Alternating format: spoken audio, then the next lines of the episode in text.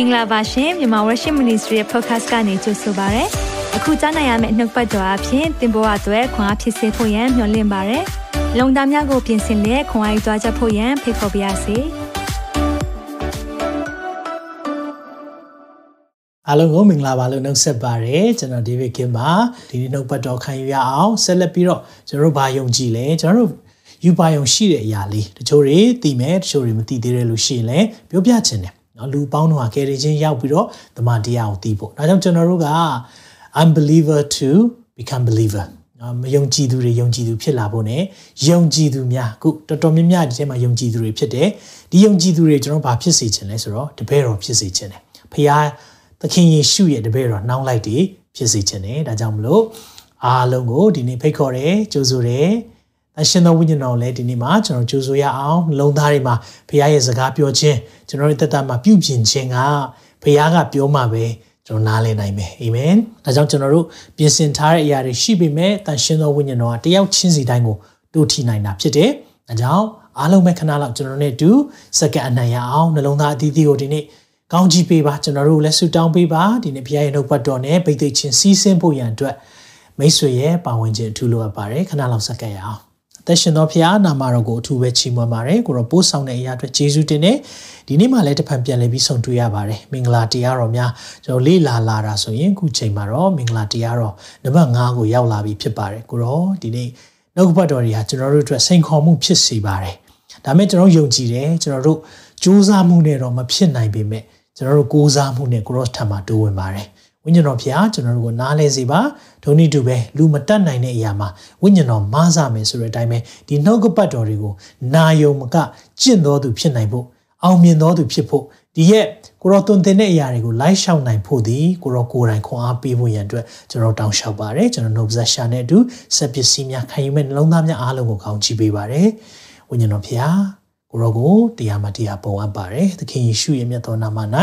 စက္ကန့်နဲ့ဆုတောင်းကြပါ၏ အာမင်အာမင်ယေရှုခရစ်တော်ရဲ့မင်္ဂလာတရားတော်တွေကျွန်တော်တို့ဒီတောင်ပေါ်သေးသနာရဲ့အပိုင်းတစ်ပိုင်းပေါ့နော်တောင်ပေါ်သေးသနာလို့ပြောရင်တော့မဿဲ9:6ခွန်းဒီသုံးခန်းဖြစ်တယ်ဆိုတော့မဿဲ9အစပိုင်းလေးမှာတောင်ပေါ်သေးသနာရဲ့အစပိုင်းလေးအဲ့ဒါမင်္ဂလာတရားတော်တွေ be attitude လို့ပြောတယ်မင်္ဂလာလို့ပြောတဲ့အရာကောင်းကြီးပေါ့နော်ကျွန်တော်တို့ကောင်းကြီးဖြစ်မဲ့အရာတွေဟာဘယ်လိုအရာတွေလဲနောက်စစ်မှန်တဲ့ ညီသက်ခြင်းပေါ့နော်ကျွန်တော်တို့ကောင်းကြီးလို့ပြောတိုင်းကျွန်တော်တို့ပတ်စံအောင်ပြည့်ပြည့်မြင်တာအောင်နော်ဆိုတော့ပတ်စံနဲ့ဝယ်ယူလို့မရတဲ့ကောင်းကြီးတွေရှိတယ်ဥပမာကျမ်းမာခြင်းနော်ဆိုတော့တချို့တွေပတ်စံတတ်နိုင်တယ်ဒါပေမဲ့နောက်ဆုံးချိန်မှာနော်ပတ်စံပေးလဲဆရာဝန်ကမကယ်နိုင်တော့ဆေးဘလောက်ကောင်းတာတောက်တောက်မပြောက်တော့ဘာကြောင့်လဲစစ်မှန်တဲ့ကောင်းကြီးထဲမှာကျမ်းမာခြင်းပါတယ်ငါကြောင့်မိတ်ဆွေကျမ်းမာတယ်ဆိုရင် သင်ဟာကောင်းကြီးခံစားရတော်သူဖြစ်တယ်အာမင်မင်္ဂလာတရားတော်ဒီလေ့လာတယ်ကျွန်တော်တို့ဒီနေ့ဆိုရင်တော့တနာစုံမတ်တတ်တော်သူဆိုတော့ဒီရဲ့နှုတ်ဘတ်တော်ဟာတန်ဖိုးရှိတဲ့အရာဖြစ်တဲ့အတွက်ကျွန်တော်တို့ဝန်ခံရအောင်အာမင်ဆိုတော့119ခုမြောက်သောစာလံအပိုင်ငယ်82ကိုအတူတူကဝန်ခံရအောင်1နှစ်3နှုတ်တော်ထွက်တရားတော်သည်ရွှေငွေအထောင်တောင်းထက်မကအကျွန်ုပ်၌တာ၍ကောင်းပါ၏တစ်ခေါက်လောက်ဝန်ခံပါအောင်เนาะအားလုံးเนาะနှုတ်တော်ထွက်တရားတော်သည်ရွှေငွေအထောင်တောင်းထက်မကအကျွန်ုပ်၌တာ၍ကောင်းပါ၏ ဝန်ခံသားတဲ့သားသမီးများဘုရားရှင်ထူကောင်းကြည့်ပေးပါစေဘုရားရဲ့နှုတ်ကပတ်တော်ရရင်လေဒါတွေကရွှေနဲ့ငွေနဲ့ရွေးဝယ်လို့မရတဲ့အရာထက်တန်ဖိုးရှိတယ်လို့ပြောတယ်။နော်ကိုယ်တိုင်ကတန်ဖိုးမြတ်မြတ်ပေးတဲ့လူတွေပိုသိပါလိမ့်မယ်။နော်ဒါကြောင့် bill အကုန်ခံပြီးတော့ကြီးတဲ့သူတွေဘုရားရှင်ထူကောင်းကြည့်ပေးပါစေဒီနှုတ်ပတ်တော်အဖြစ်လေသက်တာမှာခွန်အားဖြစ်မယ်လို့အထူးယုံကြည်တယ်။ဆိုတော့အဖွင့်ကျမ်းပိုက်လေးကတော့ကျွန်တော်တို့အရှင်မသက်ခရစ်ဝင်ကျမ်းအခန်းကြီး9အငယ်9ဖြစ်မယ်။အတူတူကဖတ်ရအောင်။ တနာဆုံမဲ့တတ်သောသူတို့သည်မင်္ဂလာရှိကြ၏အကြောင်းမူကားထိုသူတို့သည်တနာဆုံမဲ့ခြင်းကိုခံရကြလက်တံတနာဆုံမဲ့တတ်တဲ့သူတွေဟာမင်္ဂလာရှိတယ်တဲ့။ဘာကြောင့်လဲဆိုတော့သူတို့ကိုယ်တိုင်လည်းတနာဆုံမဲ့ခြင်းကိုခံရမယ်တဲ့။ဆိုတော့ merciful merciful ဆိုတာဂယုဏထားတဲ့သူနော်ဂယုဏဆိုတဲ့အရာလေးကိုအရင်ဆုံးရှင်းပြခြင်းတယ်နော် merciful ဖြစ်တယ်ဆိုတာဂယုဏထားတတ်တာလူတွေကိုတနာတတ်တာဒီလိုလူမျိုးတွေကိုဘုရားကဘာဂတိပေးထားလဲဆိုတော့ သူတို့ကိုယ်တိုင်လဲတနာဆုံမဲ့ခြင်းခံရမယ်တဲ့ဘလောက်ကောင်းလိုက်လဲเนาะဆိုတော့အာကျွန်တော် post လေးတစ်ခုတွေ့တဲ့အရာလေးသဘောကျတယ်ကျင်နာခြင်းတို့တနာခြင်းတို့ဆိုတာတဲ့တင်သူများကိုပေးလိုက်လို့မရဘူးတဲ့ဘာကြောင့်လဲဆိုတော့အဲ့ဒီပေးလိုက်တဲ့အရာတွေအမြဲပြန်ပြန်ရတယ်တဲ့ သိကောင်းတဲ့အရာလေးနော်မေတ္တာလည်းပေးပလိုက်လို့မရအောင်မေတ္တာပေးလိုက်ရင်မေတ္တာတွေကပြန်ပြန်လာတယ်။ဒါကြောင့်ကျွန်တော်တို့အသက်တာမှာကျွန်တော်တို့ဘာတွေပေးကမ်းသလဲ။ ဒါအရေးကြီးတယ်။ဒီနေ့မှာတော့တနာဆုံမဲ့ခြင်းဆိုတာဂယုဏပြတာပေါ့။နော်လူတွေကိုတနာတတ်တာ။ဆိုတော့ဂယုဏ mercy ဆိုတာဘာလဲဆိုတော့သင်ထိုက်တန်တဲ့အပြစ်ကိုအဲ့ဒီအရာကိုမပေးဘဲနဲ့ဂျေစုပြုတာ။အဲ့ဒါကိုဂယုဏထားတယ်တနာတတ်တယ်လို့ပြောတာဖြစ်တယ်။ဆိုတော့ကျွန်တော်ကိုယ့်အပေါ်မှာနော်လူတွေကတနာတက်တာမေတ္တာပြတဲ့အရာဂယုဏပြတဲ့အရာလေးပေါ့နော်ဒါနဲ့ပတ်သက်ပြီးကျွန်တော်အဖြစ်အပျက်လေးတခု လက်တွေ့အဖြစ်အပျက်ပေါ့နော်ကိုယ်တိုင်ကြုံတဲ့အရာလေးပြောပြချင်တယ်ဆိုတော့ကျွန်တော်လန်ဒန်မှာနေခဲ့တဲ့အချိန်တုန်းကကျွန်တော်တင်းတော်တခုမှာ worship ဦးဆောင်ပေးတယ်ဆိုတော့ကျွန်တော်ရဲ့တာဝန်တစ်ခုကပါလဲဆိုရင်တော့တချင်းစာသားတွေကိုနော်ဗုဒ္ဓဟူးနေ့မှာအမိပို့ဖို့နော်နောက်ဆုံးကြာတာပရိနေ့မှာဒါကတော့ deadline ပဲအကုန်ပို့ဖို့ပေါ့နော်အဲ့လိုမျိုးအမြဲတမ်းကျွန်တော်တို့ကဆုံးဖြတ်ထားတယ်။ဒါပေမဲ့များသောအားဖြင့်ကကျွန်တော်က အလှုပ်များတဲ့အခါမှာအဲ့တုန်းကကျွန်တော်အာ BBC မှာသတင်းထောက်လုပ်သေးတဲ့အခါမှာအလှုပ်ရမ်းများပြီးတော့ည7:00နာရီလောက်မှအိမ်ပြန်ရောက်တဲ့အချိန်တွေရှိတဲ့အခါမှာမပို့ဖြစ်ဘူး။မပို့ဖြစ်တော့မီဒီယာ team ကအာနည်းနည်းအခက်အခဲရှိလာတယ်။အထူးသဖြင့်ကျွန်တော်ကအဲ့နေ့ဆိုရင်ကျွန်တော် USB လေးနဲ့အဲဒီအစီအစဉ်မစခင်မှာယူလာတာပေါ့နော်။အဲ့လိုယူလာတဲ့အခါမှာကျွန်တော်သုံးတဲ့ file တွေတို့ကျွန်တော်သုံးတဲ့ layout တွေနဲ့သူတို့ရှိထားပြီးသားဒီ PowerPoint တွေကမကိုက်တာများတော့ ဒီ PowerPoint ကင်တဲ့အမကြီးကအဆင်မပြေဘူးမပြေတော့ तू ကအာကျွန်တော်ပြောတယ်အာကင်းမြေကျွန်တော်ကျွန်မတို့ဒီ PowerPoint လေးပေါ့နော်အချိန်မီပို့ပေးပါလို့ပြောတယ်။ तू ပြောတိုင်းကျွန်တော်ပို့ပေးမယ်လို့ပြောပြီးတော့မပို့နိုင်ဘူး။အဲ့လိုပဲခဏခဏဖြစ်လာတဲ့ခါကျတရက်ကြတော့လေထုံးစံအတိုင်းပဲကျွန်တော်ဒီ PowerPoint လေးကိုအစီအစဉ်စခံဒီမှပေးလိုက်တဲ့အခါမှာအဲသူလည်းကမန်းကဒန်းနဲ့လောက်ရတော့ ဟိုကမောက်ကမဖြစ်သွားတာပေါ့နော်အစီအစဉ်ကတချင်းစာသားတွေကအစင်မပြေဖြစ်သွားတော့သူကကျွန်တော်ကိုပြောတယ်။ဗာပြောလဲဆိုတော့ဖះเจ้าပြီးတဲ့အချိန်မှာကျမတို့ခဏလောက်စကားပြောရအောင်လေတဲ့။အဲ့လိုပြောတော့ကျွန်တော်လဲဟာဟုတ်ပြီပေါ့စကားပြောတော့မယ်ဆိုတော့ကိုယ့်အပြစ်ကိုကမြင်လာပြီ။ဘာလို့လဲဆိုတော့ကျွန်တော်ဖောင်းတာလေနော်ကျွန်တော်ပေးရမယ့်အရာကို မပေးနိုင်ဘူးဆိုတော့ကိုယ့်ဘက်မှာအပြစ်တွေအများကြီးရှိတော့ကျွန်တော်စဉ်းစားတယ်ဘလို့မျိုးစင်ချေပေးရင်ကောင်းမလဲငါဘလို့မျိုးဒီရဲ့အခက်ခဲကနေငါယုံထွက်မလဲเนาะဆိုတော့စဉ်းစားတယ်အေးအလုံးများတယ်ပြောမလားဒါမှမဟုတ်ရင်အမျိုးမျိုးစဉ်းစားနေတာအစီအစဉ်ကနော်ဒီဝိပုကိုကိုွယ်ချင်းအစီအစဉ်တစ်ခုလုံးမှာကိုကသူနဲ့ဘလို့မျိုးဟိုစကားပြောတဲ့အချိန်မှာ ဟိုကာကွယ်မလဲကိုကိုကိုတုံ့ပြန်မလဲဆိုပြီးအကြီးကျယ်စဉ်းစားနေတာပြီးတော့စဉ်းစားလိုက်သေးတယ်သူ့ကိုဘယ်လိုပြန်ပြောရင်ကောင်းမလဲသူ့အားနည်းချက်တွေပါရှိတယ်လဲဟိုစဉ်းစားနေတာအဲ့လိုစဉ်းစားနေပြီးတော့ကျွန်တော်တို့အစီအစဉ်လဲပြီးသွားရောအဲ့နဲ့သူကစကားပြောရအောင်လို့ပြောတဲ့အချိန်မှာကျွန်တော်ဗာပြောလဲဆိုတော့အချိန်မီရောက်နိုင်ဖို့ကျမဘက်ကဗာများကူညီရမလဲတဲ့သူအဲ့လိုစကားနဲ့စပြောတော့ကျွန်တော်ကဟာကျွန်တော်မျှော်လင့်ထားတာတော့ကျွန်တော်ကိုထိုးနှက်တော့မယ် ဘာလို့အချိန်မီမရောက်တာလဲဒါခမအလုပ်မဟုတ်ဘူးလားကျမတို့ဒီကိစ္စခဏခဏပြောနေပြီးသားမဟုတ်ဘူးလားအစည်းအဝေးမှာလည်းဆုံးဖြတ်ထားတာမဟုတ်ဘူးလားအဲ့လိုကြားရမယ်လို့ထင်ပြီးတော့ကျွန်တော်ကအစီအစဉ်တစ်ခုလုံးခေါင်းထဲမှာဘလို့ပြန်ပြီးတုံ့ပြန်မလဲစဉ်းစားတဲ့အရာ तू ကကျွန်တော်ဘာပြောလိုက်လေဘလို့မျိုးကူညီပေးရမလဲလို့ပြောတဲ့ခါမှာဟာကိုကိုကိုလည်းရှက်မိတယ်အားလည်းအယမ်းနာသွားတယ်အဲ့ဒါဘာလဲဆိုတော့တနာဆုံမဲ့တက်ခြင်း merciful ဆိုတာ ဘာကိုပြောတာလဲဂယုဏပြလိုက်တဲ့အရာလေးပေါ့နော်အဲ့ဒီဂယုဏပြလိုက်တဲ့အရာလေးကကျွန်တော်ဘဝမှာအင်မတန်မှကိုယ်တိုင်လက်တွေ့အဲ့ဒီဂယုဏကိုခံစားတဲ့အခါမှာအများကြီး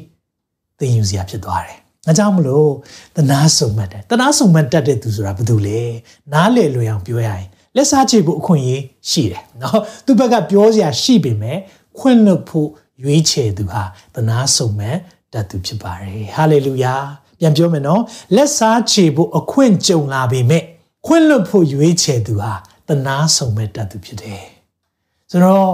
တနာဆုံမဲ့ခြင်းကိုလက်တွေ့ခံစားတဲ့အခါမှာလူတွေဒီလိုမျိုးအခက်အခဲတွေရှိလာရင်ကိုဘယ်လိုကင်တွယ်မလဲစဉ်းစားကြည့်ရအောင်เนาะဒါကြောင့်ဒီနေ့နှုတ်ကပတ်တော်ကိုကျွန်တော်တို့နားလည်အောင်ကျွန်တော်ရှင်းပြခြင်းတယ်အဲကြောင့်မိတ်ဆွေကိုမိခွန်းအရင်ဆုံးမေးခြင်းတယ်ကိုကူညီခဲ့တဲ့သူကကို့ကိုဂျေစုမတင်မဲနဲ့ နော်သူအောင်မြင်လာတဲ့အချိန်မှာကိုယ့်ကိုကျေးဇူးမတင်တဲ့ပြအပြစ်တင်လာတယ်ဆိုရင်သင်ဘယ်လိုခံစားမလဲဒါမှမဟုတ်ရင်ကိုကူညီခဲ့တဲ့သူကိုကူညီလို့သူအောင်မြင်သွားတဲ့သူကကိုကြောင့်အောင်မြင်သွားတယ်ဆိုပါစို့ကျေးဇူးမတင်ဘဲနဲ့အပြစ်တင်တာဒါမှမဟုတ်ရင်ကိုယ့်ကိုယ်တောင်ကိုယ့်အသက်ကိုယ်တောင်ပြန်ပြီးရန်ရှာတယ်ဆိုရင်ဘမိတ်ဆွေဘယ်လိုတုံ့ပြန်မလဲဒီပဒံမ challenging ဖြစ်တယ်နော်ဒါကြောင့်မလို့ကျွန်တော်တို့ကိုစိန်ခေါ်မှုဖြစ်စေလိုက်မယ်ဒီရဲ့တရားတော်ကဒါမဲ့သခင်ယေရှုက तू မလုံနိုင်တဲ့အရာကိုမဟောဘူး မပြောဘူး။အဲကြောင့်ကျွန်တော်တို့ကိုတနာဆုံမဲ့ပါလို့ပြောတဲ့အခါမှာဒီနေ့ကျွန်တော်တို့ထိုက်တန်တာပါလေ။လူတွေထိုက်တန်တာပါလေ။အပြစ်တရားရဲ့အခါကသိခြင်းကျွန်တော်တို့ထိုက်တန်တာအပြစ်လုပ်တဲ့သူအားလုံးထိုက်တန်တာသိခြင်းပဲငရဲမိအိုင်။ဒါပေမဲ့အဲ့ဒီထိုက်တန်တဲ့အရာမပေးဘဲနဲ့မထိုက်တန်တဲ့အရာကယ်တင်ခြင်းအဲ့ဒီဂျေဇုတော်ပြတာ။ဒါကြောင့်မလို့ grace and mercy ဆိုတဲ့အရာလေးကိုကျွန်တော်ဒီနေ့နည်းနည်းနားလည်စေချင်တယ် mercy ဆိုတာသင်ထိုက်တန်တဲ့အရာကိုမပေးဘဲနဲ့ grace ဆိုတာသင်မထိုက်တန်တဲ့အရာကိုပေးတာ mercy and grace ဒါကြောင့်ဖခင်ရဲ့ဂရုဏာနဲ့ဂျေဇုတော်ဟာကျွန်တော်တို့အပေါ်မှာနေ့တိုင်းလုံလောက်နေတာအဲကြောင့်သင်သင်အပေါ်မှာလူတွေမကောင်းတဲ့အရာလုပ်တယ်နော်ဂျေဇုကိုယ့်ရဲ့ဂျေဇုရှိတဲ့သူတွေဂျေဇုပြန်မဆက်ဘူးဆိုပါစို့သင်ဘယ်လိုတုံ့ပြန်မလဲဘယ်လိုကင်တွယ်မလဲဒါကိုဒီနေ့မှာကျွန်တော်တို့လေ့လာသွားရအောင်ဆိုတော့ထုံးစံအတိုင်းပဲကျွန်တော်တို့ အလူတယောက်အကြောင်းကိုလေ့လာမယ်နော်ဆိုတော့ခါတိုင်းကျွန်တော်မင်္ဂလာတရားတွေထဲမှာလည်းကျွန်တော်တို့နားလည်လွယ်အောင်ကျွန်တော်တို့ဥပမာလေးတွေပေါ့နော်ကျမ်းစာတွေက Bible character လေးတွေနဲ့ကျွန်တော်ပြောသွားတယ်ဒီနေ့မှာကျွန်တော်ပြောပြချင်တဲ့သူကတော့တခြားသူမဟုတ်ပါဘူးဒါဝိမင်းကြီးနဲ့ရှောလူအကြောင်းပြောပြချင်တယ်နော်ဒါဝိမင်းကြီးနဲ့ရှောလူဆိုတော့ရှောလူအကြောင်းအရင်ဆုံးကျွန်တော်ပြောရအောင်ဆိုတော့ make မိတ်ဆွေဒီဒါဝိနဲ့ရှောလူ story မှာသင်ကဘယ်တယောက်ဖြစ်ချင်လဲ ဒါဝိဘောဆရာရဲ့ဒါဝိဒါပေမဲ့ခက်တာကျွန်တော်တို့ဒါဝိမဟုတ်ဘူးရှောလူဖြစ်နေတတ်တယ်နော်အချိန်တော်တော်များများက insecurity ဆိုတာနော်ကိုကိုကိုမလုံခြုံဘူးစိတ်မချဘူးနော် confident မရှိတဲ့အခါမှာကိုပတ်ဝန်းကျင်ကရှိတဲ့သူအမြဲတမ်းဖိကျင်တာအဲ့ဒါရှောလူစိတ်အဲ့ဒါဒါဝိစိတ်မဟုတ်ဘူးကျွန်တော်တို့အဲ့လိုလူမျိုးတွေဖြစ်ကျင်တာနော်ဒါဝိနဲ့ဂေါလိယက်ဆိုရင်လည်းကျွန်တော်တို့ကဂေါလိယက်မဖြစ်ချင်ဘူးဒါဝိပဲဖြစ်ချင်တာ နိုင်တဲ့သူပဲဖြစ်ချင်ဒါပေမဲ့တော်တော်များများကျွန်တော်တို့က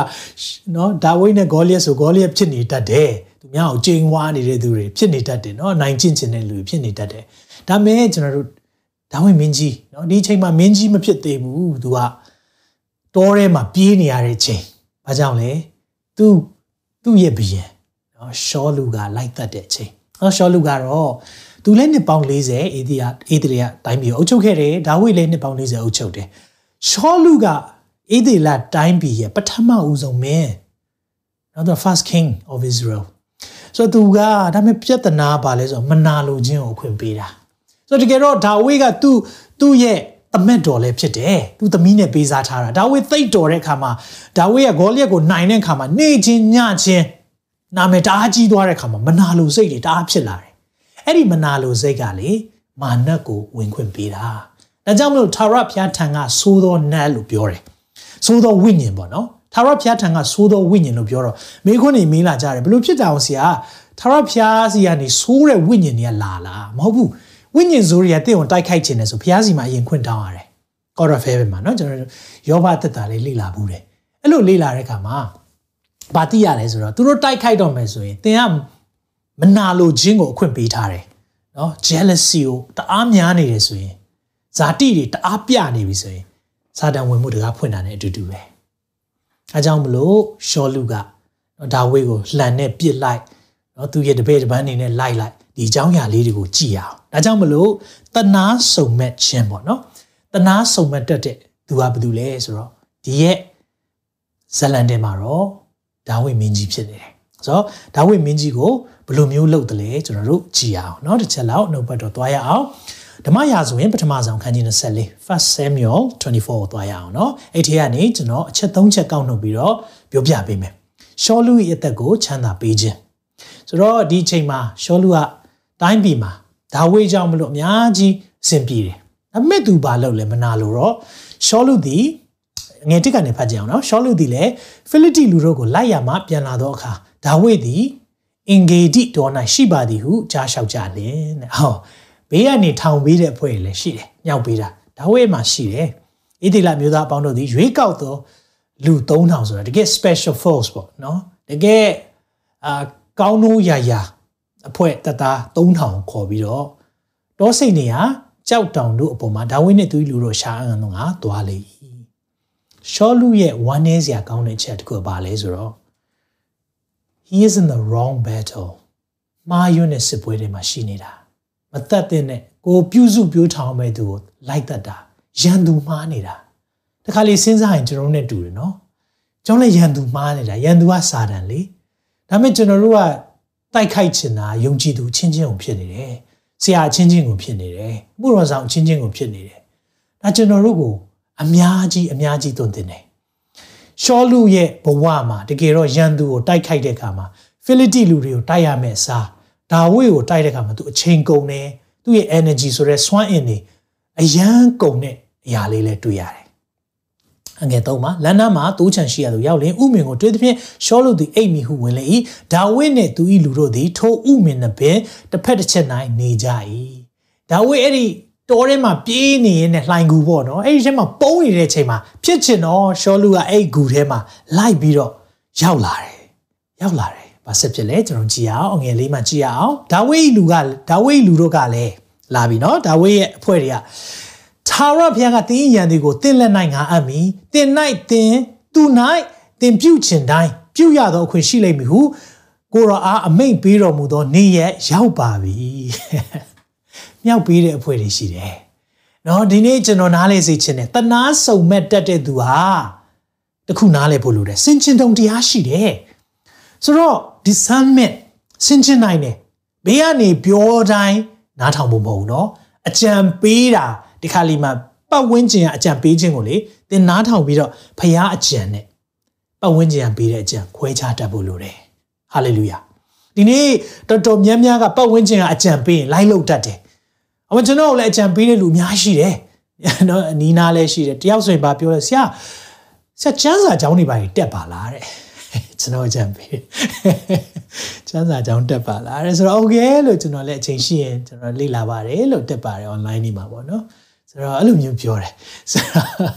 ဆိုတော့အဲ့လိုမျိုးပေါ့နော်ဆိုတော့ကျွန်တော်မေးကြည့်တယ်ကျွန်တော်ချမ်းစာတရားသေဒနာတွေအဆင်မပြေလို့လားဆိုတော့ဟိုအဆင်ပြေပါတယ်ဆရာဒါပေမဲ့ပူကောင်းမလားလို့ပေါ့နော်တဲ့ဆိုတာအကြံပေးတာအကြံပေးတာဆိုတော့ပတ်ဝန်းကျင်ကအဆင်ချင်တုံတရားနော်တခါလေးမှာရှိဖို့လိုတယ်ဆိုတော့ကိုယ်အသွင်တင်တယ် မာပြောပြီလေနော်အမေဖះနဲ့တော့ကင်ပေါက်လိုက်တယ်ထာဝရဖះကဖះကအပ်ပြီနော် နော်ဒါဝိကိုပြောတာတင်းလက်နိုင်အပ်မယ်ဆိုတာဒီနေ့ပဲလေတဲ့လာရှင်းပလိုက်ရအောင်ကွက်တိပဲလေနော် in the ကွက်တိရောက်လာတာဟုတ်လားရှောလူမင်းကြီးကလုံးဝသူတို့ပုံနေတဲ့နေရာမှာ in the ကွက်တိလာတာလာတဲ့အချိန်မှာနော်ဖះပြင်ဆင်ပေးပြီမဟုတ်ဘူးလားတင်းနဲ့ကျွန်တော်ဆိုလှုပ်လိုက်မှာအော်ကိုရောရေးဂျေဇုတင်လိုက်တာအမေကျွန်တော်ဒီလိုမျိုးနော်ကူညီမဲ့သူတွေလည်းပြင်ဆင်ထားပေးတယ်ဒီနေ့ကျွန်တော်ပြောပြမယ်နော်အစဉ်ပြေတိုင်းဖះလှုပ်ပေးတာမဟုတ်ဘူးနော် သင်ယောနာကိုကြည်လိုက်အောင်နိနဝေမြို့ကိုသွားပါပဲဆိုမှသင်မောပြောင်းပြန်နော်လုံးဝ opposite direction သွားတဲ့သင်မောက in the ကွက်တိရှိနေပြန်ရောအဲ့ဒီရှိနေတဲ့သင်မောကိုသွားလိုက်သွားတာတာရှုကိုသွားလိုက်တာကွက်တိရောက်နေတာနော်အဲ့သင်မောကအချိန်တိုင်းလာတာမဟုတ်ဘူးအမြဲတမ်းနေ့တိုင်းနော်ဒီနေ့တစ်ခါပြေးဆွဲပေးတာမဟုတ်ဘူးအဲ့တော့ဆိုရင်တအားခက်တဲ့ကာလနော်အများကြီးစောင့်ရတဲ့ကာလမှာရောက်နေတာမိတ်ဆွေနားလဲစေချင်တယ်တခါလေမှာကျွန်တော်တို့ရေကန်အသင့် ကြာအသင့်ရှိတိုင်းပတ်ဝန်းကျင်ကမြောက်ပေးတိုင်းလုပ်ဖို့မဟုတ်ဘူးဖခင်ရဲ့အတန်ကိုနားထောင်ပါဒီနေ့ဒါဝိပါလို့လေဖခင်ကိုကြောက်တယ်တနာဆုံမှတ်တတ်တဲ့သူဟာဘုရားကိုကြောက်တယ်ဝန်ခံပါအောင်တနာဆုံမှတ်တတ်တဲ့သူဟာဘုရားကိုကြောက်တယ်တနာဆုံမှတ်တတ်တဲ့သူဟာစင်ကျင်တုံတရားရှိတယ် discernment ပညာရှိတယ်လိုက်ပြီးမလုပ်ဘူးဘာကြောင့်လဲဘုရားကိုကြောက်လို့အဲ့မှာဒါဝိဒ်ဒီထား၍ရှောလူဝစ်လျက်ရှိသောအင်ဂျီအောက်ပိုင်းကို တိတ်ဆိတ်စွာလှီးဖြတ်လေဘင်းရဲ့ဂမ်ဂါမင်ကြီးကိုဖြတ်ပလိုက်တာအောက်ကနေဒါမဲ့လို့ဖြတ်လိုက်တော့သူဘာဖြစ်လဲသူချက်ချင်းပဲသိတယ်ဒါပေမဲ့ဒီနေ့ကျွန်တော်နားလဲစေချင်တယ်နံပါတ်1အကောင်းအားဖြင့်အဆိုးကိုအနိုင်ယူတတ်တဲ့သူဖြစ်တယ်အာမင်တနာစုံမဲ့တတ်တဲ့သူဟာအကောင်းအားဖြင့်အဆိုးကိုအနိုင်ယူတတ်သူဖြစ်တယ်အဲကြောင့်အဲ့ဒီအချိန်မှာတတ်လိုက်လို့ရတယ် तू မတတ်ဘူးဘာပဲလုပ်လိုက်လဲအဲ့ဒီ ဂါမင့်လေးအောက်ပိုင်းကိုပဲဖြတ်လိုက်တယ်ဒါပေမဲ့အဲ့လိုဖြတ်လိုက်တာတော့မှဒါဝိကဘယ်လိုဖြစ်လဲထို့သောရှောလူ၏အင်ကြီးကိုဖျက်မိသောကြောင့်ဒါဝိဒ်သည်နောက်တစ်ဖန်နောင်တရတယ်စိတ်မကောင်းဘူး तू သူ့ရဲ့ဝိညာဉ်ထဲမှာမပြောတော့ဘူးဘာကြောင့်လဲသာရဖျားပေးတော်မူသောဗိတ်သိက်ကိုခံတော်ငါအရှင်သည်သူ့ဘရင်ပဲလေအဲ့ဘရင်ကသူ့ကိုမကျေနပ်လို့မနာလို့လို့လိုက်တတ်ပေမဲ့ဒါဝိဒ်နေတော့ဒါငါဘရင်ပဲငါဘရင်ပဲ သာရဖျားအခွင့်နဲ့ဗိတ်သိက်ခံတော်သူဖြစ်သောကြောင့်ထိုအရှင်ကိုထိခိုက်ခြင်းကငါလက်ဆန့်သောအမှုကိုသာရဖျားစီးတားတော်မူပါစေသောဟုမိမိလူတို့အားဆိုတယ်။ဘဖះခွင့်လွတ်ပါဖះကိုကြောက်တယ်တွေ့လားဒီနေ့တနာစုံမဲ့တက်တဲ့သူဟာဖះကိုကြောက်တယ်လှုပ်ချင်တိုင်းမလှုပ်ဘူးဒီနေ့ကျွန်တော်တို့ဒီ garment ဖြတ်လိုက်တာဘာနဲ့တူလဲသိလားတခါလေးမှကျွန်တော်တို့ဝေဖန်တာနဲ့တူတယ်ဖះပိတ်သိမ့်ထားတဲ့သူတွေကို ခံပြောတာနဲ့တူတယ်ဖះပိတ်သိမ့်ထားတဲ့သူတွေကိုအဝေးကနေစကားနဲ့လှုပ်လိုက်တဲ့အရာနဲ့တူတယ်သူတို့ရဲ့ reputation သူတို့စဉ်းစားကြည့်လေဘယင်ကြီးကအဲ့ဒီအနောက်မှာနော်သူ့ရဲ့ဝိလုံကြီးကပြက်နေတယ်ဆိုရင်မျက်နှာပြက်စရာအဆက်ကွဲစရာမဟုတ်ဘူးလားတခါလေကျွန်တော်တို့ကမတိမတာနဲ့ဖះလူတွေကိုဘေးကနေပြောတတ်တယ်အဲ့ဒါဒီနေ့တနာစုံမတ်တတ်တယ်အဲ့ဒီသူဆိုရင်ချက်ချင်းနောင်တရတယ်ဒါကြောင့်ဖះ ဒါဝိတ်ကိုဘလို့ဘလို့ပြောလဲငါနှလုံးသားရှာတော်သူ a man after my own heart ငါနှလုံးသားရှာတာဖះနှလုံးသားရှာတဲ့သူဖြစ်တော့ तू အဲ့လိုလှုပ်လိုက်တာစော်ကားသလိုဖြစ်သွားတယ်အဲ့ဒါကိုတောင် तू နောင်တရတယ်မလှုပ်ပြန်ရင်လည်းဒီလူကလိုက်တတ်နေပြန်ရော तू တော်တော်ခက်နေတာဒီရဲ့အချိန်တွေတခုတည်းမှာချိန်ထိုးနေရတယ်ဘေးကလည်းမြောက်ပေးတယ်လှုပ်လိုက်ရှင်းလိုက်တော့ဖះလက်ထက်အပ်ပြီနော် อืมဒီနေ့လက်စားမချေဘူးလက်စားမချေဘူးဘာကြောင့်လဲလက်စားချေတဲ့အခွင့်အရေးရပေမဲ့ခွင့်လွှတ်ခြင်းကိုရွေးချယ်တယ်ဟာလေလုယာလက်စားချေဖို့အခွင့်အရေးရပေမဲ့ခွင့်လွှတ်ခြင်းကိုရွေးချယ်တဲ့သူဟာအဲ့ဒါတနာစုံမဲ့တော်သူဂယုဏထားတော်သူ merciful person ဖြစ်တယ် မိတ်ဆွေဒီနေ့ကျွန်တော်နဲ့သင်လက်စားချေဖို့အခွင့်အရေးရပါလိမ့်မယ်နော်ကိုကိုစော်ကားသွားတဲ့သူတွေကိုကိုပြောခွင့်ရတဲ့အချိန်ရှိပါလိမ့်မယ်နော်အဲ့ဒီအချိန်မှာဒီနှုတ်ပတ်တော်နော်ကျွန်တော်တို့တွေအမှတ်ရရအောင်အာမင်သူတို့တွေကကိုယ်ကိုနောင်တရတဲ့စကားပြောချင်မှပြောလိမ့်မယ်ဒါပေမဲ့ခွင့်လွှတ်ပေးလိုက်ရအောင်အာမင်ခက်တယ်နော်အရန်ခက်တယ် very challenging ကျွန်တော်ဒီနှုတ်ပတ်တော်ပြင်ဆင်တဲ့အချိန်မှာကိုရောကျွန်တော်မတတ်နိုင်ဘူးကျွန်တော်ဒါဝိနေရာမှာဆိုရင်ကျွန်တော် ကျွန်တော်လုံးမိမယ်ထင်တယ်လို့ဒီနေ့ဖျားနှလုံးသားရှာတော့သူဖြစ်ချင်တယ်ဆိုရင်တော့ဒီနေ့ဒါဝိကအားရမဟုတ်ဘူးနော်ခွင့်လွန်လိုက်လို့အားရမဟုတ်ဘူးမင်းရဲ့ခွင့်ရေးကိုကွာမပြောဘူးလားအဲ့ဒါအားရမဟုတ်ဘူးနော်သိတယ်သိတယ်ဖျားကိုသိတာဖျားကိုကြောက်တာအဲ့ဒီနှလုံးသားနဲ့သွားတာလက်စားမချေဘူးဒီနေ့လက်စားချေတဲ့အခွင့်အရေးရပြီလေသူ့နောက်မှာလိုက်နေတာရှင်းလိုက်ချက်ချင်းအဲ့ဒီနေ့မှာဘယင်ဖြစ်မယ်ဒီနေ့ဖခင်ရဲ့အချိန်ကိုစောင့်တယ် ဖခင်ရဲ့အချိန်ကိုစောင့်ပါဖြက်လမ်းမလိုက်ပါနဲ့အထူးဖြင့်လူငယ်များဖခင်ရဲ့အချိန်ကိုစောင့်ပါဒီနေ့ဖခင်ရဲ့အချိန်ကိုစောင့်တဲ့အချိန်မှာဖခင်ကိုယုံကြည်ဖို့လိုတယ်နော်ဖခင်ကိုကိုးစားတတ်ဖို့လိုတယ်ဒါကိုကျွန်တော်တို့နှုတ်ကပတ်တော်ထဲမှာတွေ့ရတယ်အာမင်ဒါကြောင့်နံပါတ်1အချက်အကောင်းအားဖြင့်အဆိုးကိုအနိုင်ယူတတ်ပါအကောင်းအားဖြင့်အဆိုးကိုနိုင်ယူတတ်ပါသုတ်တန်ကျမ်းထဲမှာပြောထားတယ်အဆိုးနဲ့အကောင်းကိုနိုင်ယူရင်တဲ့မင်းအိမ်ကနေအဆိုးကဘယ်တော့မှမထွက်တော့ဘူး။ အဲကြောင့်ကျွန်တော်တို့အဆိုးနဲ့တုံ့ပြန်ရင်တော့ကိုယ့်အိမ်မှာအဆိုးတွေကြီးပဲကြံနေခဲ့မှာပဲ။ဒီနေ့အကောင်းနဲ့တုံ့ပြန်ရအောင်။အာမင်။နှုတ်ပတ်တော်ကကျွန်တော်တို့ကိုဒါကြောင့်မလို့ပြောထားတယ်။အာမင်။အဲ့ဒါနဲ့ဒါဝိဒ်ကကဲအကောင်းအဖြစ်အဆိုးနိုင်ရမယ်ဆိုတော့သူသိတယ်။ဖြတ်တော့ဖြတ်လိုက်တယ်။အမေထိတ်တိုက်လဲရင်ဆိုင်တယ်နော်။ထိတ်တိုက်ရင်ဆိုင်တယ်။အော်ကျွန်တော်တို့အော်သူ့ကိုခွင့်လွတ်ပါတယ်ဆိုပြီးရှောင်နေတယ်မဟုတ်ဘူး။အဲ့ဒီအဲ့ဒီမှာဘာဖြစ်ဖြစ်လဲကျွန်တော်ကြည့်ရအောင် ဓမ္မရာဇဝင်24အငယ်8ထို့နောက်ဒါဝိဒ်သည်ထား၍ဥမင်တဲကထွက်လျက်ကျွန်တော်၏သခင်အရှင်မင်းကြီးဟုရှောလူနောက်၌ဟစ်သဖြင့်ရှောလူသည်နောက်သို့ကြည့်သောအခါဒါဝိဒ်သည်မြေပေါ်မှဥချလျက်ပြက်ဝတ်လျက်တဲ့ဥချ၍ပြက်ဝတ်နေတယ်ဆိုဘယင်မဲလေသူလေးစားမှု respect ကတော့ပေးနေစေပဲဒါဝိဒ်သည်ကိုရော၏အကျိုးကိုဖျက်ခြင်းက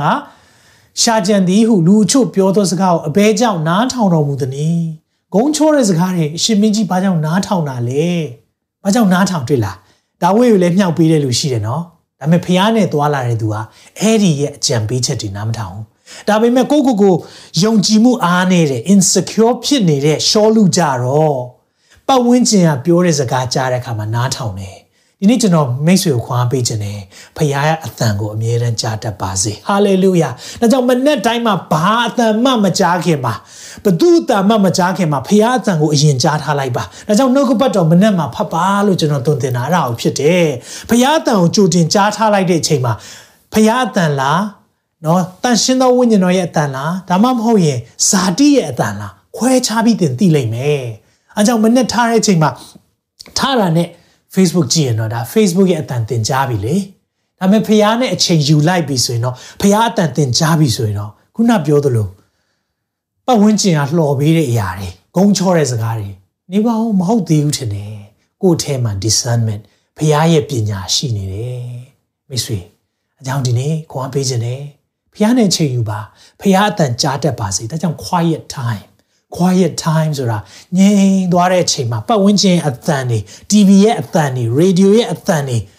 အားလုံး Facebook ရဲ့အသံတွေ YouTube ရဲ့အသံတွေငြိမ်သွားတဲ့အချိန်မှာမှသိငယ်တဲ့အသံနဲ့ဘုရားစကားပြောတယ်။အကြောင်းဘုရားနဲ့မနေ့တိုင်းမှာအချိန်ယူပါဘာမှမလုပ်ခင်ကျွန်တော်အမြဲတမ်းလုပ်တဲ့အရာဖြစ်တယ်။ဘုရားအသံမကြားထားတဲ့နေ့မှာတော့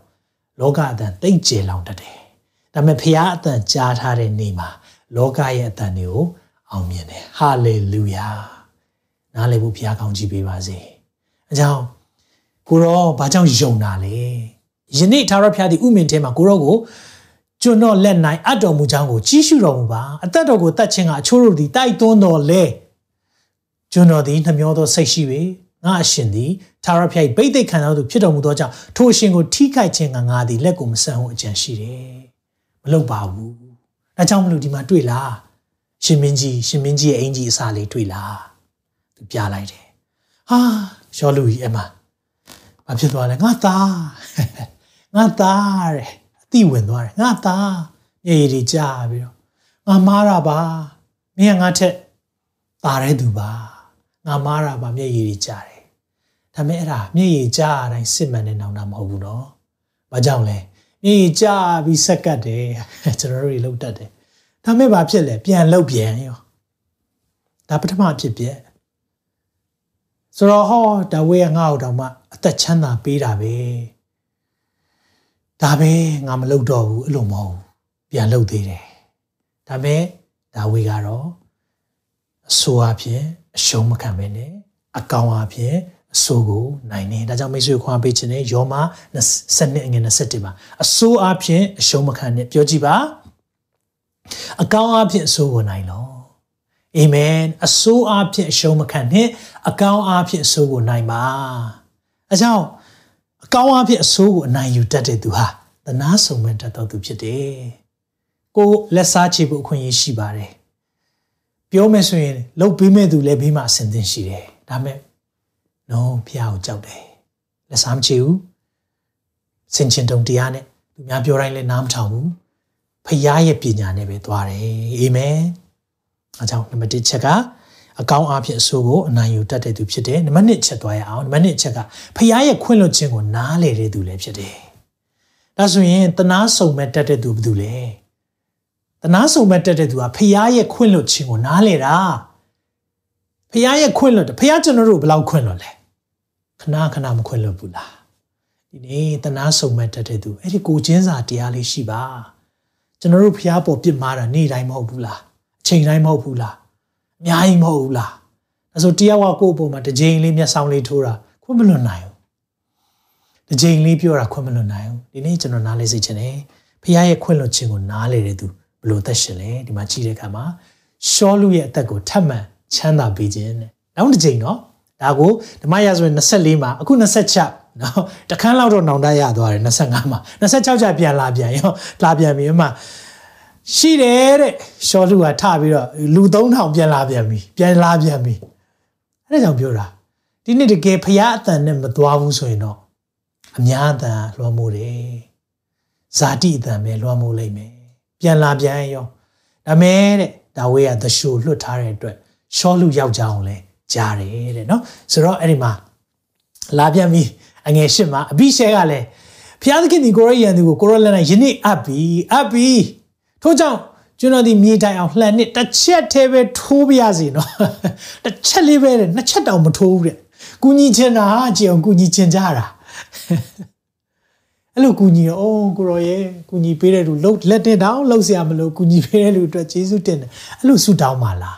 ကျေးဇူးတင်ပါလားကျေးဇူးတော်ချီးမွမ်းရမယ်ဆိုတော့ကုညီပေးတဲ့လူတွေပြားပြင်ဆင်ပေးတယ်ရန်သူတွေကိုရှင်းပေးတယ် no no no no ဒါဝိပြန်ပြောလိုက်တယ်သူ့ကိုမပြုတ်နှစ်မထီးနဲ့နော် don't touch သာရဖျားအခွင့်နဲ့ဗိတ်သိက်ခံတော်သူကိုအဘယ်သူအပြစ်လွတ်လျက်ထိခိုက်နိုင်သနည်းအဘိရှဲကိုပြန်ပြောတယ်မလုံနဲ့ဖျားဗိတ်သိက်ထားတဲ့သူဖြစ်တယ်မှန်တယ်ရှောလူကိုလည်းဖျားဘိတ်သိက်စီလောင်းပြီးတော့ရွေးကောက်ထားတာအဲ့ဒီမှာပြန်ပြောလိုက်တဲ့ဟာလေးတော်တော်သဘောကျတယ်တဖန်ဒါဝိဒ်ကထာဝရဘုရားအသက်ရှင်နေမှုနဲ့ဒဏ်ခတ်လိုက်မယ်သူသူရိတ်နဲ့သူသွားလိုက်မယ် သို့မဟုတ်သူတေချင်ရောက်လိုက်ပြီသို့မဟုတ်စစ်တိုက်ရတဲ့အသက်ဆုံးရှုံးလိုက်ပြီနောက်တခုခုတော့ဖြစ်လိုက်မယ်မကြောက်နဲ့မစိုးရိမ်နဲ့ဘာမှဖြစ်ဘူးဖျားစီရင်လိုက်မယ်ဟာလေလုယာဒါပေမဲ့လေ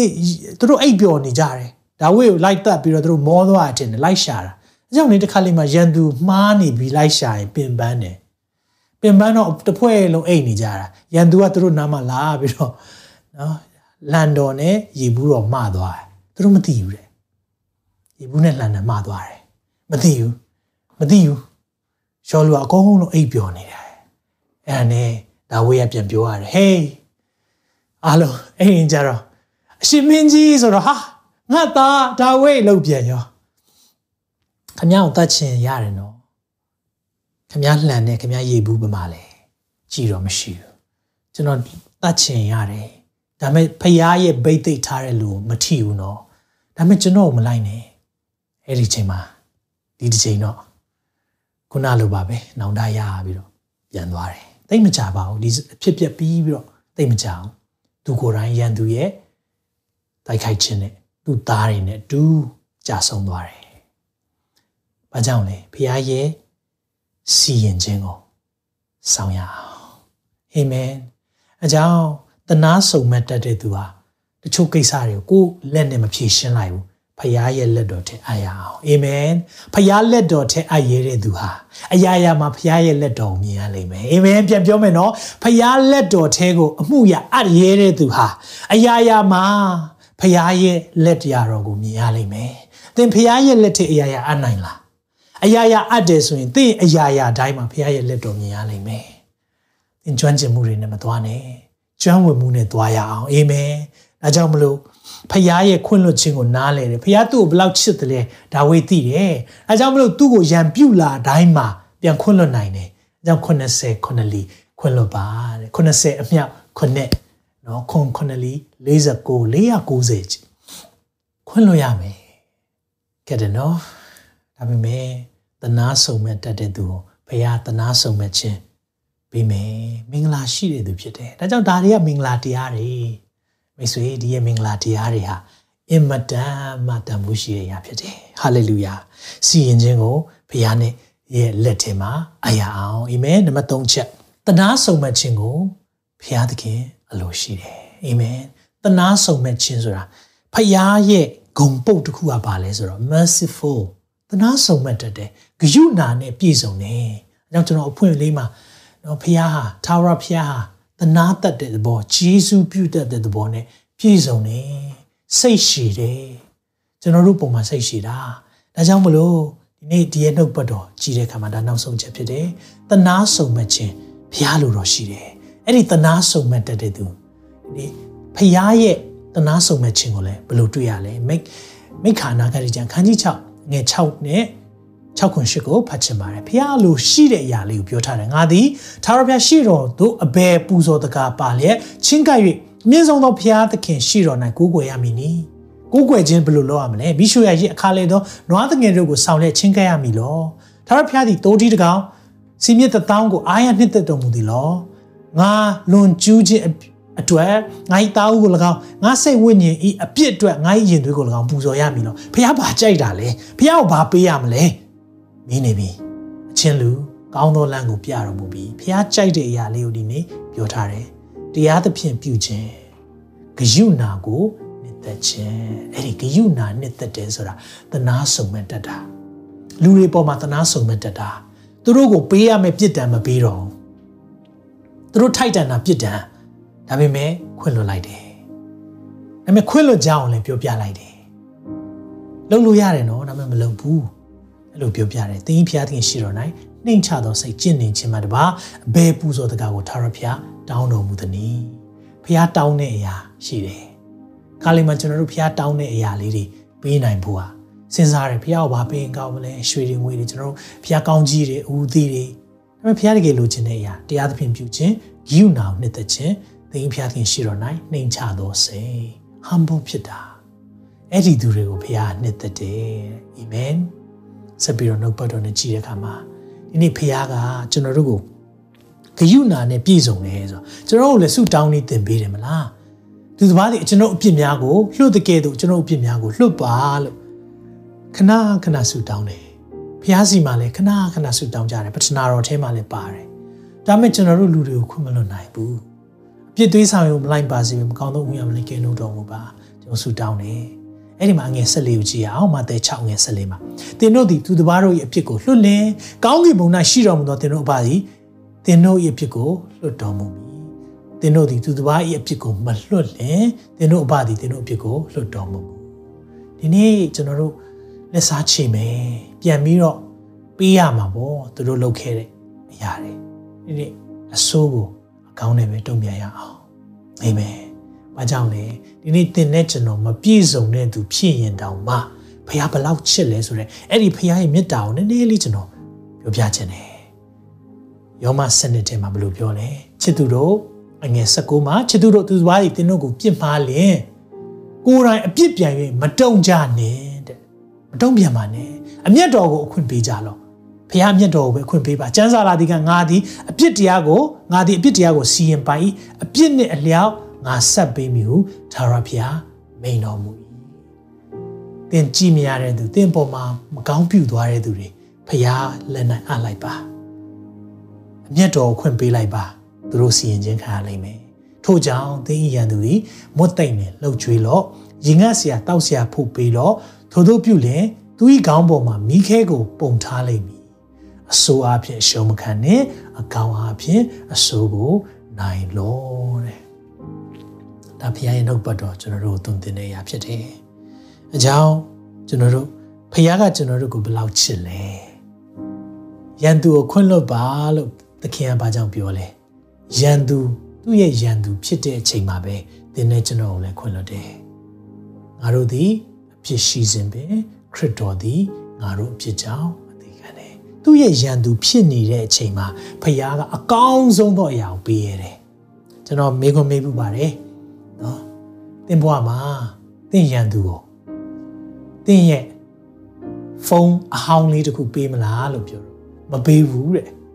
ဖုန်းအဟောင်းလေးနော်အစ်စ်တောင်မဟုတ်ဘူးကိုဖုန်းမသုံးတော့တဲ့အဟောင်းလေးကိုကြည့်မရတဲ့သူပေးမလားသူလိုနေတဲ့အချိန်မှာမပေးနိုင်ဘူးဒါပေမဲ့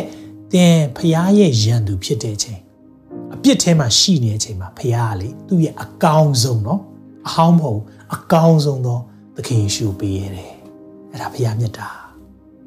ငါတို့ဒီအပြစ်ရှိစေမယ်ခရစ်တော်ဒီငါတို့အပြစ်ကြောင့်အသေးခံနေဘုရားဘလောက်ချစ်လဲပြတာအကြောင်းမိတ်ဆွေဘုရားကကျွန်တော်တို့ကိုခွင့်လွတ်ပါလို့ပြောတာလေသူရဲ့ခွင့်လွတ်ခြင်းကိုလည်းရစေချင်တာအကြောင်းဘုရားရဲ့ခွင့်လွတ်ခြင်းကိုရတဲ့သူကမှသူများကိုလည်းခွင့်လွတ်နိုင်တယ်တင်သူများကိုခွင့်မလွတ်နိုင်ဘူးမောင်နှမတွေခွင့်မလွတ်နိုင်ဘူးမိသားစုကိုခွင့်မလွတ်နိုင်ဆွေမျိုးတွေခွင့်မလွတ်နိုင်ဘူးဆိုရင် ကျွန်တော်မင်းကွာသင်ဖခင်ရဲ့ခွင့်လွှတ်ခြင်းကိုတကယ်ရရဲ့လားလို့မိကွန်းထုတ်ခြင်းတယ်ဖခင်သင်ကိုချစ်တဲ့အရာဖခင်သင်ရဲ့အပြစ်တွေအားလုံးကိုခွင့်လွှတ်ပေးတဲ့အရာကိုတကယ်ရရဲ့လားမိတ်ဆွေရတယ်ဆိုရင်တော့တုံ့ပြန်ခြင်းရှိတယ်ဖခင်ခွင့်လွှတ်တာကျွန်တော်ပြောမှုပါတယ်5ဘီလီယံမကတန်ဖို့ရှိတယ်လူတွေကျွန်တော်တို့ကိုတင်တာ1000လောက်ပဲတန်ဖို့ရှိတယ်ဒေါ်လာအဲကြောင့်ကျွန်တော်တို့ဒီနေ့မှာဒီနှုတ်ကပတ်တော် very challenging တနာစုံမဲ့တက်တော်သူတို့ဒီမင်္ဂလာရှိတယ်။လူများကိုခွင့်လွှတ်နိုင်တယ်။တနာစုံမဲ့တက်တဲ့သူဟာဘာဖြစ်လဲ။တနာစုံမဲ့ခြင်းခံရလိမ့်မယ်။အာမင်။အဲကြောင့်ဒီနေ့ကျွန်တော်တို့ခက်ခဲပါတယ်ဒီစာမွေးကဒါဝိဆိုလဲရှောလူနဲ့စာမွေးခဏခဏဖြေရတယ်။တစ်ချိန်ခွင့်လွှတ်တယ်မရသေးဘူးနောက်တစ်ချိန်ပြန်လာတယ်။ဒါလေသင်ခွင့်လွှတ်ထားတဲ့သူကကန်းတက်ပြီးတော့တစ်ခါပြန်လာရင်လာလိမ့်မယ်။ဒါပေမဲ့80 90လီခွင့်လွှတ်ဖို့ဘုရားလိုတော့ရှိတယ်။ကျွန်တော်တို့လည်း challenge ဖြစ်တယ်။ကျွန်တော်လည်းဒီစာမွေးကိုဖြေနေရစေဖြစ်တယ်။ နေကိုးစားရအောင်ကြိုးစားတာတဲ့ကိုးစားပြီးတော့ဖះနိုင်ပဲကျွန်တော်တို့တွေခွန်အားတောင်းခံရအောင်အာမင်အဆိုအဖြစ်အရှုံးမခံနဲ့အကောင်းအဖြစ်အဆိုနိုင်ပါအဲကြောင့်တနာဆုံးမတတ်တဲ့သူဖြစ်ဖို့ဖះရဲ့တနာခြင်းကိုသင်နာလဲပါကြောင့်ဖះအသင်ကိုသိချစ်တယ်ဖះရဲ့ခွင့်လွှတ်ခြင်းကိုသင်ဒီနေ့မှာအရင်ရယူပါဖះခွင့်လွှတ်တာကိုသင်နာလဲသူဘာကိုသင်ခွင့်လွှတ်နိုင်လိမ့်မယ်ဖះခွင့်လွှတ်ခြင်းကိုသင်နာမလဲဘူးဒါမှမဟုတ်ရင် မိသွားခဲ့တယ်ဆိုရင်သူများကိုချီနှောင်ဖို့ဒါလွယ်တယ်။အဲကြောင့်ကျွန်တော်တို့ဖြည့်လွတ်ရအောင်ဖကိုရဲ့တထောက်ခဏလောက်ဒီနေ့မျက်စိမိတ်ကောင်းကောင်းလေးအနံ့ရအောင်ကိုရောဝိညာဉ်တော်ဖျားကျွန်တော်ဘု து ပေါ်မှာဒီတနာဆုံးမဲ့ခြင်းပြရမယ့်အရာလက်စားချေဖို့အခွင့်ကြုံလာတဲ့အခါမှာလက်စားချေမိသွားပြီလားကိုရောဒါမှမဟုတ်ခွင့်လွတ်ခြင်းကိုရွေးချယ်လိုက်လားဒီအသေးဆုံးဖြစ်တယ်ဝိညာဉ်တော်ဖျားသင်ကိုစကားပြောနေလိမ့်မယ် ဒီနေ့မကြော်လွတ်နိုင်တဲ့အရာဝိညာဉ်တော်မဆာလိမ့်မယ်ပြန်လည်ပြီးအနံ့ရအောင်ကိုရောတတမြောင်အနံ့ပါတယ်ကျွန်တော်လက်စားချေဖို့အခွင့်အရေးကြုံလာတဲ့အခါမှာစကားအဖြစ်စကနိုင်လူလိုက်ရမှာနိုင်လိုက်ရမှာဆိုတဲ့စိတ်နဲ့သွားနေတဲ့ယွန်ရှားစရာအပြစ်များအလုံးခွင့်လွတ်ပါကိုရောအလိုတော်ရှိတဲ့အရာသနာဆုံးမဲ့ခြင်းဖြစ်တယ်။အဲကြောင့်ကိုရောလက်စားချေဖို့အခွင့်အရေးကြုံလာတဲ့အခါမှာလက်စားမချေဘဲနဲ့ခွင့်လွတ်ခြင်းကိုရွေးချယ်တော်သူများဖြစ်ဖို့ဒီ နှုတ်ပတ်တော်ခံယူနေကြတဲ့သူများပေါ်မှာဖခင်ဝိညာဉ်တော်ရဲ့မဆာခြင်းကိုတောင်းခံပါတယ်ကျွန်တော်မဆာ၍ဒီရဲ့ဆာမွေးရဲ့ဟာသိခက်ခဲပါတယ်မင်္ဂလာတရားတော်နံပါတ်5ဟာကျွန်တော်တို့အတွက် challenging ဖြစ်ပါတယ်စိန်ခေါ်မှုဖြစ်ပါတယ်ဒါပေမဲ့ကျွန်တော်တို့တတ်နိုင်တာတခုရှိတယ်ကိုတော့ကိုရဲခွန်အားနဲ့သွားဖို့တတ်နိုင်ပါတယ်ဒါကြောင့်ကိုရဲမဆာမဲ့ခွန်အားကိုတောင်းခံပါတယ်ကျွန်တော်တတ်တာမှာလူတွေကိုတနာဆုံးမဲ့တတ်တော်သူများဖြစ်ပါမိကြောင်းဝိညာဉ်တော်ဖျားလမ်းပြတဲ့ပို့ဆောင်ပါသ ခင်ယေရှုရဲ့မြတ်တော်နာမ၌စက္ကန့်နဲ့ဆုတောင်းပါ၏အာမင်အာမင်အာမင်ကျွန်တော်ခဏလောက်မိသားစုများမချမ်းပါတဲ့သူများအတွက်ဆုတောင်းပေးခြင်းနဲ့တချို့တွေနှလုံးနာတယ်။ဘာကြောင့်လဲအဖြေရလေခွင့်မလွတ်လို့ကြောက်ကနာတယ်ခွင့်မလွတ်လို့တော်တော်များများကျွန်တော်မချမ်းမာမှုရဲ့နောက်ွယ်မှာလိုက်တဲ့အခါမှာခါသီးခြင်းကြောင့်မလို့ဖြစ်တာများတယ်။ကျွန်မိတ်ဆွေဒီနှုတ်ပတ်တော်ကြားတယ်ဆိုရင်မိတ်ဆွေလွတ်လိုက်ပါ။ ခွင့်လွတ်ခြင်းဆိုတာဘာနဲ့တူလဲဆိုတော့ထောင်သားတယောက်ကိုတကားဖွင့်ပြီးတော့လိုရသွားပါလို့လွတ်ပေးတာနဲ့တူတယ်တဲ့ဒါပေမဲ့ပြန်ကြည့်လိုက်တော့အဲ့ထောင်သားတခြားလူမဟုတ်ကိုဖြစ်နေတယ်ခွင့်လွတ်ခြင်းဆိုတဲ့အရာကိုကိုထောင်ချတာနဲ့တူတယ်ခါတိခြင်းဆိုတာအစိတ်တစ်ခွက်ကိုကိုကတောက်လိုက်ပြီးတော့ကြည့်မရတဲ့သူဘယ်တော့သိမလဲလို့စောင့်ကြည့်နေရတယ်တူတယ်တဲ့တကယ်တော့တင်တောက်လိုက်တာတင်အတွက်မကောင်းဘူးအဲကြောင့်ခါတိခြင်းတွေအားလုံးဒီနေ့ ဘုရားနှုတ်ဘတ်တော်ဆိတ်ကြောပေးပါစေရေဖြစ်တယ်နှုတ်ဘတ်တော်နဲ့ခွန်အားယူပါသင်ကိုဘုရားစကားပြောနေတာဖြစ်တယ်အကြောင်းဒီနေ့သင်အနာရောဂါပျောက်ကင်းခြင်းနေဆိုရင်ဒီခါသီးခြင်းကြောင့်ဆက်ဆက်ပြီးဖြစ်တဲ့အရာဖြစ်တယ်ဆိုရင်ဒီနေ့ခွင့်လွှတ်လိုက်ပါဆရာသူတို့လုပ်တဲ့အရာအယံများတာဆရာမသိဘူးဟုတ်ကဲ့ကျွန်တော်ဝန်ခံပါတယ်ကျွန်တော်အားလုံးမသိနိုင်ပါဘူးဒါပေမဲ့ကျွန်တော်သိတာတခုရှိတယ်သင်သခင်ပုံမှာလုပ်တာပုံများတယ်သခင်ပုံမှာပြုတဲ့အပြစ်ပုံများတယ် အဲ့ဒါတော့သိကြတယ်အဲကြောင့်သင်သခင်ရဲ့ခွင့်လွှတ်ခြင်းကိုရတဲ့ကဲ့သို့သူများကိုလည်းခွင့်လွှတ်ပါအာမင်အဲကြောင့်ကိုရောကျွန်တော်ကျမခွင့်လွှတ်နိုင်ဖို့မဆပါလို့ခဏလောက်ဆက်ကပ်ပါသင်အနာရောဂါချက်ချင်းယူပြစ်သလိုပျောက်သွားလိမ့်မယ်ဟာလေလုယာဝိညာဉ်တော်ဖျားအရောက်စီတိုင်းကိုတိုးထိနေလို့ယေရှုတင်တယ်ကျွန်တော်ခါးသီးနေတဲ့အရာပင်မြစ်ကိုအားလုံးကိုယေရှုနာမ၌ဖယ်ထုတ်ပါတယ်ကျွန်တော်နှလုံးသားထဲမှာအပင်ပေး အပင်တွေပေါက်ပြီးတော့အမြင့်ဆွဲအောင်နေရာပေးမိတဲ့အရာတွေအားလုံးအတွက်ဝင်ချတောင်းပန်ပါတယ်ကိုရောရဲ့ခွင့်လွှတ်ခြင်းကို take it for granted ကိုရောကျွန်တော်တို့မထီမဲ့မြင်ပြုမိပြီးတော့သူများပေါ်မှာချီနှောင်မိတဲ့အရာတွေခွင့်လွှတ်ပါကိုရောအားလုံးကိုဒီနေ့ကိုရောရဲ့ခွင့်လွှတ်ခြင်းတကူပြန်လဲခံစားစေပါလဝါကားတိုင်းရဲ့မြစ်တာကိုအရောက်ချင်းစီတိုင်းကိုပြန်လဲနားလဲစေပါကားတိုင်းမှာကိုရောပြုတဲ့အရာအားလုံးဟာကျွန်တော်တို့ကိုခွင့်လွှတ်ဖို့ဖြစ်တယ်လို့ ကျွန်တော်တို့ဒီလေအဲ့ဒီကားတိုင်းရဲ့ခွန်အားနဲ့သူတစ်ပါးကိုခွင့်လွှတ်ဖို့အကြောင်းဖြစ်ပါစေမကြမ်းမာတဲ့သူများအရောက်ချင်းစီတိုင်းသူဖြင့်ခါးသီးချင်းကြောင့်ဆက်နွယ်နေတဲ့အရာအလုံးသူတို့လူတစ်ပါးကိုခွင့်လွတ်တဲ့အချိန်မှာအမြင့်ပြက်ယူပြစ်တယ်လို့ပျောက်ကင်းရတဲ့ခွင့်ကိုရောပေးပါကိုဗစ်ကြောင့်ခံစားနေရတဲ့သူများအားလုံးအတွက်လည်းဆုတောင်းပေးပါရယ်ကိုရောသူတို့ရဲ့ကိုယ်ခန္ဓာထဲကယောဂပိုးကိုအားလုံးကိုတိုက်လှန်နိုင်တဲ့ခွန်အားကိုရောသူတို့ရဲ့ကိုယ်ခန္ဓာထဲမှာ immune system အားလုံးကိုကောင်းကြည့်ပေးတယ်ကိုရောကိုယ်တိုင် လမ်းပြပါဒဏ်ချက်တော်များအဖြစ်ငါတို့ဒီအနာပြောက်လဲရှိဤဆိုနှုတ်ပတ်တော်ကိုလည်းကြီးညာပါတယ်ကိုရောကိုယ်တိုင်ကျမ်းမာခြင်းအခွင့်နဲ့အတူပြန်လည်ပြီးသက်သေခံရတဲ့အရာများအားလုံးကိုရောဘုန်းတော်နာမတော်ထင်ရှားဖို့ကြောင့်ဖြစ်ပါစေစိတ်မသာညှိတွားတဲ့သူများပုံမှာလည်းဘုရားရှင်ရဲ့နှစ်သိမ့်ခြင်းခံစားပါစေသူတစ်ပါးကိုတနာဆုံမဲ့တတ်တဲ့သူများအားလုံးပုံမှာလည်းဒီနေ့ကိုရောရဲ့တနာဆုံမဲ့ခြင်းကိုခံစားပါစေလူတော်ဒီကောင်းကင်ဘုံမှာပြည့်စုံတဲ့ကဲ့သို့ ဒီအစီအစဉ်ကိုကြည့်ရှုနေကြတဲ့သူနဲ့ပြန်ကြည့်ရှုမဲ့သူအားလုံးပေါ်မှာတက်ရောက်ပါစေ။တပါးသောသားတော်မြတ်သခင်ရှုနာမှာနိုင်စက္ကန့်နဲ့ဆုတောင်းပါ၏။အာမင်။အာမင်။သာရဖျားသည်တင့်ကိုကောင်းကြီးပေး၍ဆောင်မတော်မူပါစေသောထာဝရဘုရားသည်တင်၌မျက်နာတော်အလင်းကိုလွှတ်၍ဂယုဏကျေးဇူးပြုတော်မူပါစေသောထာဝရဘုရားသည်တင့်ကိုမျှော်ကြည့်၍ချမ်းသာပေးတော်မူပါစေသောငွေကြေးနဲ့ဝယ်ယူလို့မရတဲ့ဘုရားထမလာတဲ့ကြံမှခြင်းများ စိတ်ချမ်းသာခြင်းနဲ့အတူပျော်ရွှင်ခြင်းများသင်တဲ့တိမိသားစုပေါ်မှာ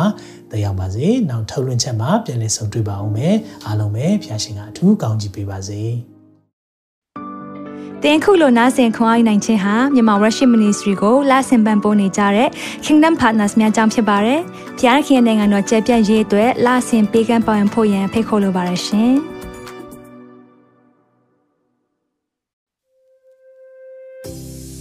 ကြားနာခဲ့ရတဲ့နှုတ်ပတ်တော်အဖြစ်ခွန်အားရရှိမဲ့လို့ယုံကြည်မျှော်လင့်ပါတယ်။ခွန်အားရဆိုလို့ရှိရင်ဒီတစ်ပတ်နဲ့ပြန်လည်ဝင်မြပေးဖို့ရန်တောင်းဆိုပါရစေ။ Myanmar Worship Ministry ရဲ့ website myanmarworship.com ကိုလည်းလာရောက်လေ့လာဖို့ရန်တွဲဖိတ်ခေါ်ချင်ပါတယ်။တချိန်ထဲမှာ Myanmar Worship Ministry ရဲ့ social media platform များဖြစ်တဲ့ Myanmar Worship YouTube Channel, Myanmar Worship Facebook Page နဲ့ Myanmar Worship Instagram များကိုလည်းလာရောက်လေ့လာဖို့ရန်တွဲဖိတ်ခေါ်ချင်ပါတယ်။နောက်တစ်ချိန်မှာပြန်လည်ဆုံတွေ့ကြပါစို့။ဖျားရှင်ကောင်းကြီးပေးပါစေ။